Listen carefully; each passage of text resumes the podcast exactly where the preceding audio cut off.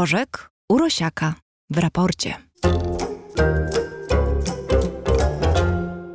Doktor Tomasz Rożek, twórca kanału Nauka to Lubię, jest z nami pierwszy raz w tym roku. Witam cię serdecznie. Dzień dobry. Od razu o przełomowym wydarzeniu porozmawiamy, przełomowym dla Japonii, co prawda, ale może nie tylko. Japonia od ubiegłej soboty jest piątym krajem, którego urządzenie wylądowało na Księżycu. SLIM, czyli Smart Lander for Investigating the Moon, czyli inteligentny lądownik do badania Księżyca. Tak się nazywa to urządzenie, ten robot.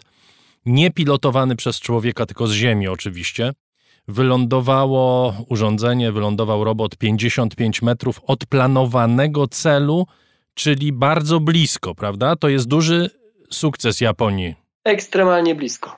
Ale jakieś tam problemy, zdaje się, przy lądowaniu były były problemy przy lądowaniu. W trakcie ostatnich manewrów z jakiegoś powodu jeden z silników się wyłączył, pozostałe e, próbowały i skutecznie mm, e, skompensowały brak tego jednego i dlatego 55, co w ogóle brzmi jak przechwałka, bo nikt tak precyzyjnie nie potrafi lądować. A zwykle to ile się ląduje od planowanego celu? Nie wiem, kilometr, kilka kilometrów, taki, taki się zakłada obszar. To nie jest jak lądowanie samolotem na pasie startowym, gdzie centymetry albo dziesiątki centymetrów e, grają rolę. Tutaj są setki metrów. Jednym z głównych, e, czy głównym w zasadzie e, celem tej misji było sprawdzenie technologii, czy sprawdzenie algorytmów i technologii lądowania precyzyjnego, więc założono, że wylądują 100 metrów. Mhm. Coś się popsuło, i wylądowali 50, twierdzą, że gdyby się nie zepsuło, wylądowaliby dokładnie w punkcie. I to jest coś naprawdę niesamowitego. No właśnie, tutaj tym wkładem japońskim, że tak powiem, w, w badanie w ogóle możliwości lądowania na Księżycu miała być precyzja, tak? Lądowanie tak blisko tak. Y, zaplanowanego miejsca. I to może być w przyszłej eksploracji Księżyca dużą zaletą, dużą wartością Japończyków? Może być i za chwilkę o tym, tylko jeszcze jedno zdanie. Ty powiedziałeś coś takiego, że on nie był pilotowany przez człowieka, był pilotowany czy był prowadzony z ziemi. Otóż nie do końca w tym sensie, że to nie jest tak, że ktoś trzyma joystick, ktoś trzyma, ktoś patrzy przez kamerkę i mówi, no dobra, 3 centymetry w lewo, 3 w prawo, ok, naciska guzik, osiadamy. To są bardzo skomplikowane algorytmy, które w zasadzie robią to same. To znaczy nie chodzi o to, że, że inżynierowie po wystrzeleniu takiej, um, takiej misji po prostu gaszą światło i, i stwierdzają, ok, teraz to już się zadzieje samo, ale to też nie jest tak, że ktokolwiek tam manualnie, bo tak takie by można odnieść wrażenie, słysząc, że ktoś to pilotował z ziemi, że ktoś manualnie te rzeczy gdzieś tam kontroluje. W przypadku niespodziewanych zdarzeń, w przypadku jakiejś awarii, to tak, to Ziemia jest od tego, żeby pewne pożary dosłownie czy w przenośni gasić.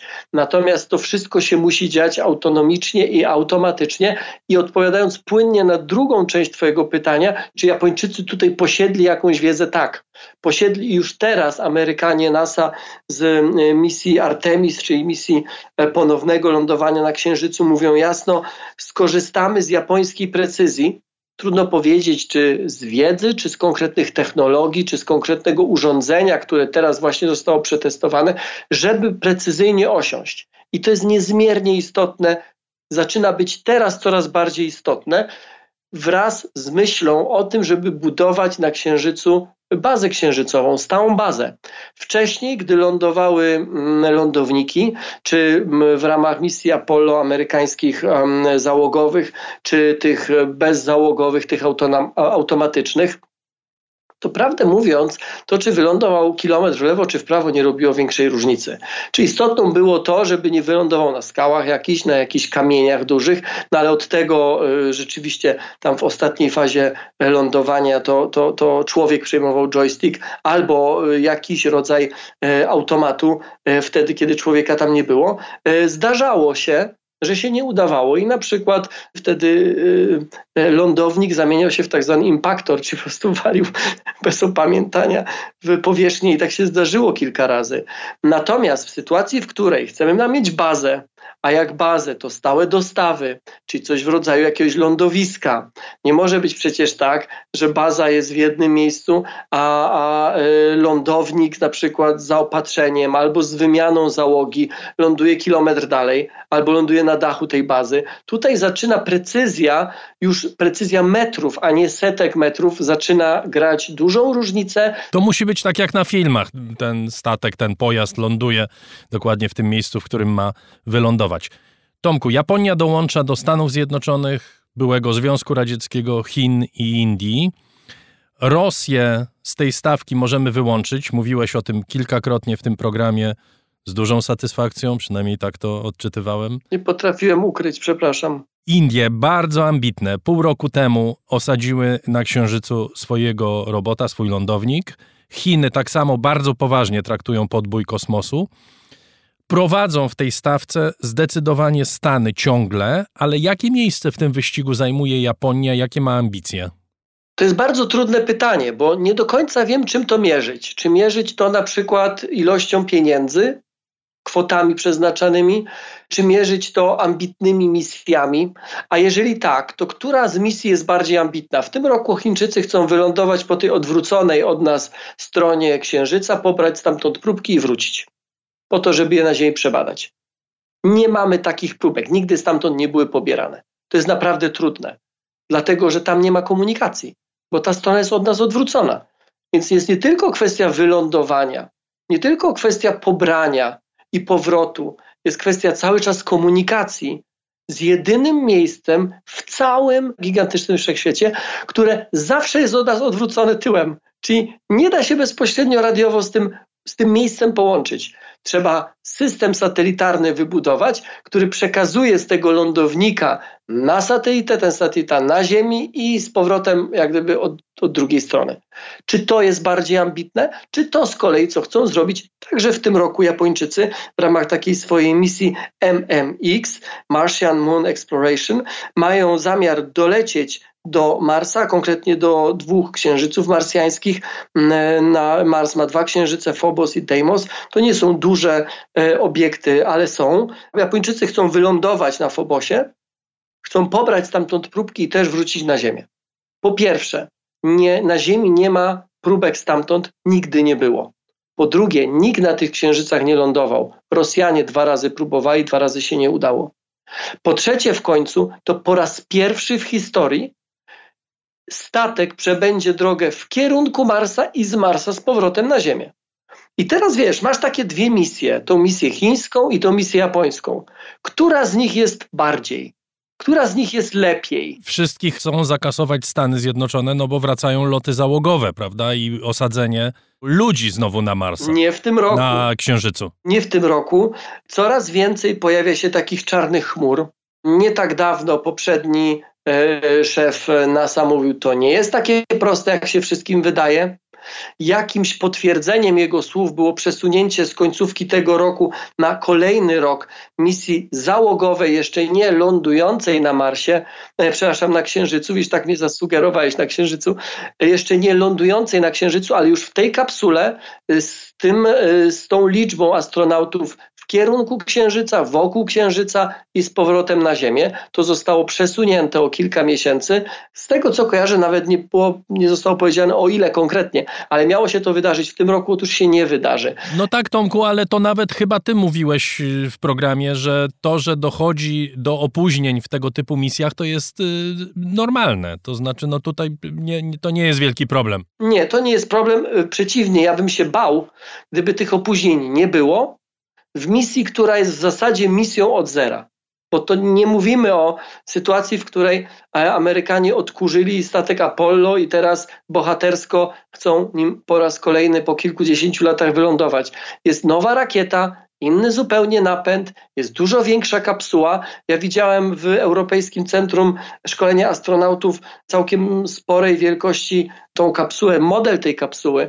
E, tam się mieści więcej osób, tam jest więcej miejsca i on już jest rzeczywiście budowany z misją trochę mm, taką wylądujmy i zostajmy tam przynajmniej na czas jakiś, e, a nie na dzień, dwa lub trzy, tak jak było w przypadku lądownika Apollo. E, więc trudno, po prostu chodzi mi w skrócie o to, na proste pytanie, gdzie w tej stawce są Japończycy, albo i którą agencją oni są, patrząc na taki jakiś, jakiś ranking na świecie? Nie ma dobrej odpowiedzi. Na pewno są w bardzo, w bardzo ścisłej czołówce. Wspomniałeś o Europie. To może słowo na ten temat, bo y, w tej stawce nie ma europejskiej agencji. Nie, ani nie lądujemy, ani nie wyślemy swoich nie. statków y, w przestrzeń kosmiczną, prawda? Nie, nie, nie, nie. Tutaj historia jest bardzo prosta i prosta jest też odpowiedź na Twoje pytanie: nie ma. Mhm. No dobrze, to prosta i jeszcze powiedziałbym krótka do tego.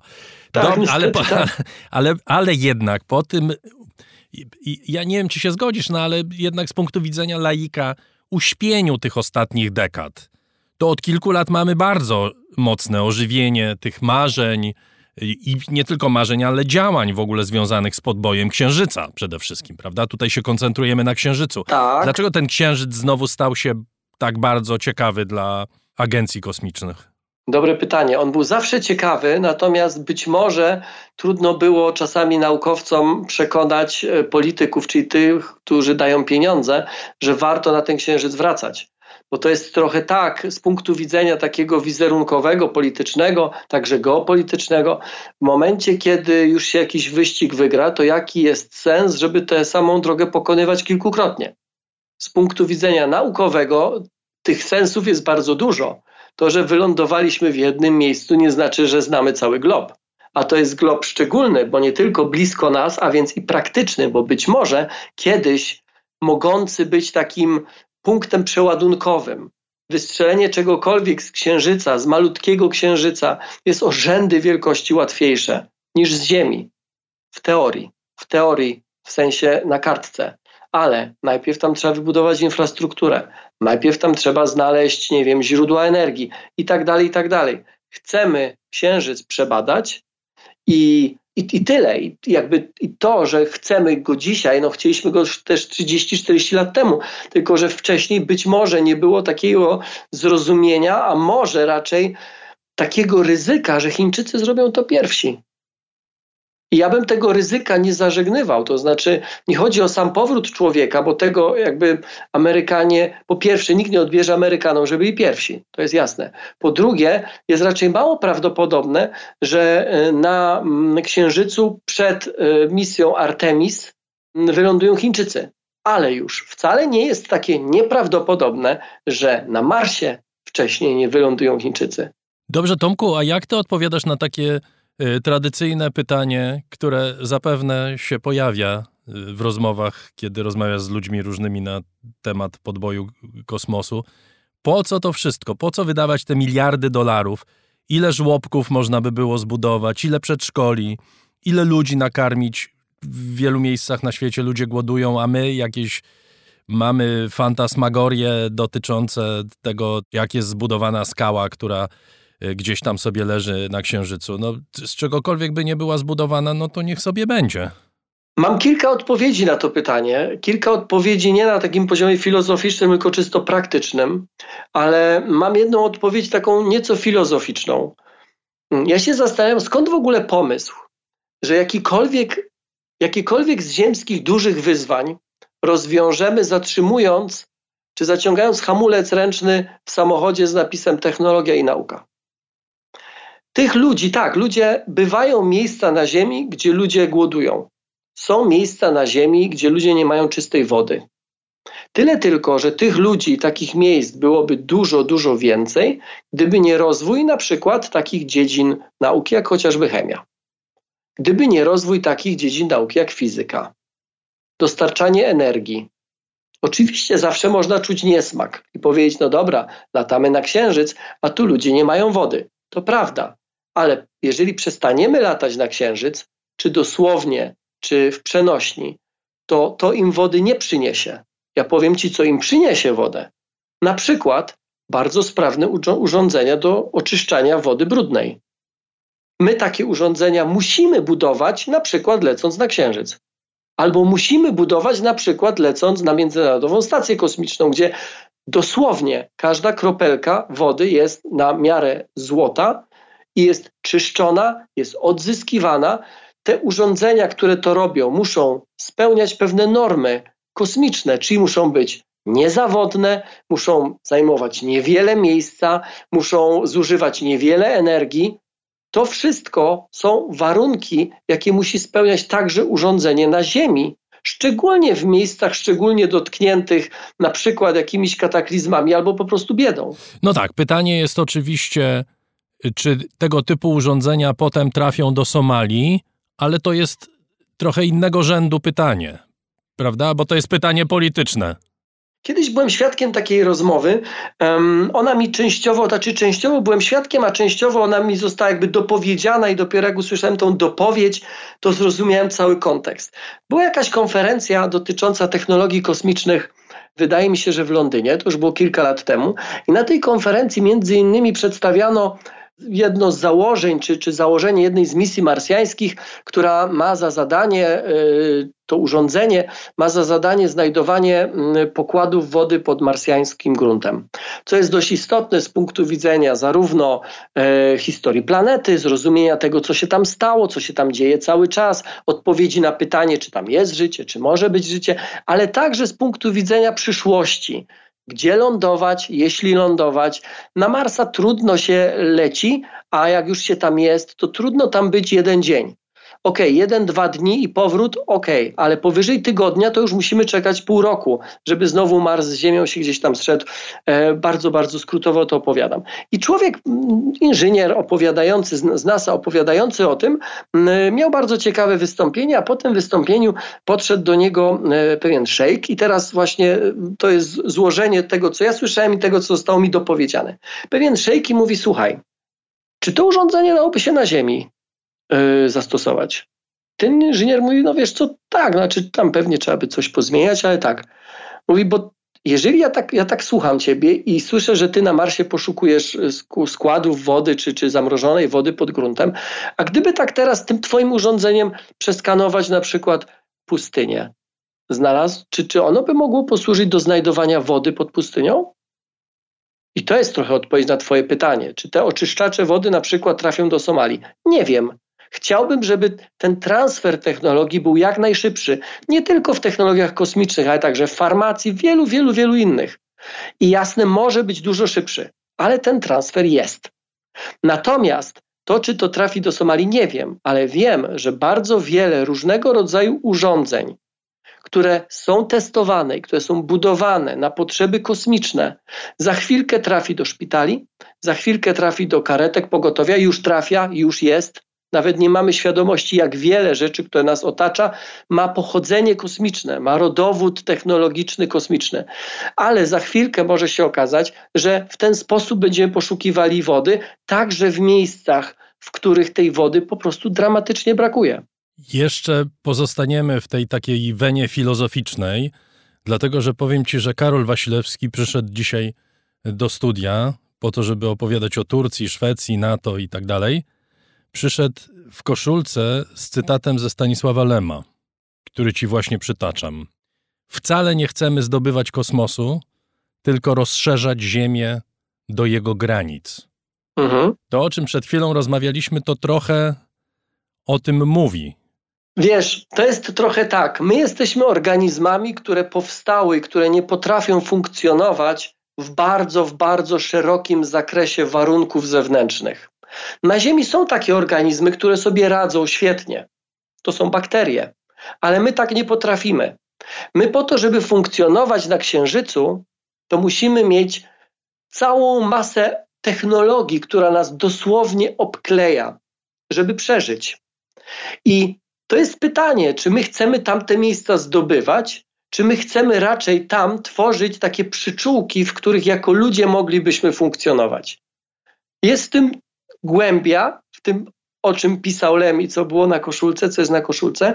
I mnie się przypomina taki trochę utopijny, ale projekt, o którym ja lubię myśleć, bo on jest, bo on, bo on e, tak, on wzbudza we mnie właśnie takie emocje i, i, i tak otwiera głowę, czyli tak zwany terraforming.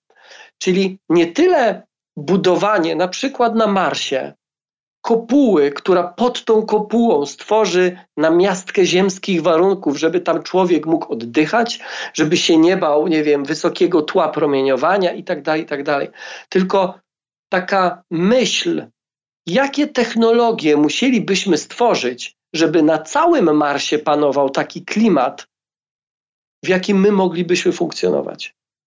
I to jest ciekawe, bo to wcale nie jest antynaukowe, tyle tylko, że to jest mocno, ale to mocno odsunięte w czasie na przyszłość. To jeszcze ja w żaden sposób nie będę poprawiał mistrza, ale czerpał z niego, bo Lem mówi, że chcemy rozszerzać Ziemię do granic kosmosu, ale to też w drugą stronę działa, prawda? To, o czym wcześniej mówiłeś, to znaczy, że chcemy z kosmosu czerpać, chcemy rozszerzać kosmos do granic Ziemi. Ziemia jest oczywiście częścią kosmosu, ale jakby zasysamy to wszystko, co możemy z tych najdalszych, najbardziej oddalonych i najbardziej nieznanych miejsc. Próbujemy je oswoić. To jest trochę tak, że my poszukując, odkrywając, rozwijamy się. I to, co ty teraz, to o czym ty teraz powiedziałeś, to, że my czerpiemy z rozwoju technologii kosmicznych, to nie dotyczy tylko i wyłącznie technologii kosmicznych. To dotyczy absolutnie każdego rodzaju naszego rozwoju. Zapewne także tego w rozumieniu nie e, sciences, czyli nauk ścisłych, tylko art, czyli nauk humanistycznych. To nas oczywiście rozwija i my z tego czerpiemy. I tak, oczywiście, ale my także po to zderzamy z sobą protony w dużych akceleratorach. Jasne, chcemy wiedzieć, albo część z nas chce wiedzieć, część z nas Części z nas wystarczy ta motywacja. Chcę wiedzieć, co się stanie, gdy zderzą się dwa protony z odpowiednią energią. Kropka. To mi wystarczy. Większości z nas to nie wystarcza. I pada to pytanie, jak najbardziej uzasadnione, jak najbardziej zrozumiałe. Okej, okay, ale po co my to robimy? Co my z tego będziemy mieli? I mamy z tego bardzo dużo. Bardzo, bardzo dużo także ze zderzania protonów, protokoły internetowe, z których codziennie korzystamy naprawdę setki razy, jak nie tysiące razy.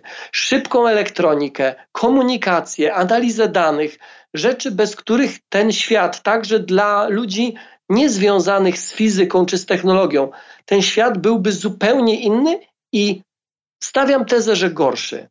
To dokładnie tak samo jest z kosmosem bardzo wiele rzeczy, które nas otacza, nie tylko przedmiotów konkretnych, nie tylko materiałów konkretnych, ich też, ale w ogóle technologii, które nas otacza, w ogóle by nie powstało, albo by powstało później, a może nigdy, gdyby nie moment, w którym ktoś stawia wyzwanie. Okej, okay, lećmy na księżyc i pozwól, że zacytuję, nie dlatego, że to jest proste, tylko właśnie dlatego, że to jest trudne. Dziękuję bardzo. Dr Tomasz Rożek, twórca kanału Nauka to Lubię, nasz stały współpracownik, był z nami i do nas wróci. A tymczasem do usłyszenia. Do usłyszenia.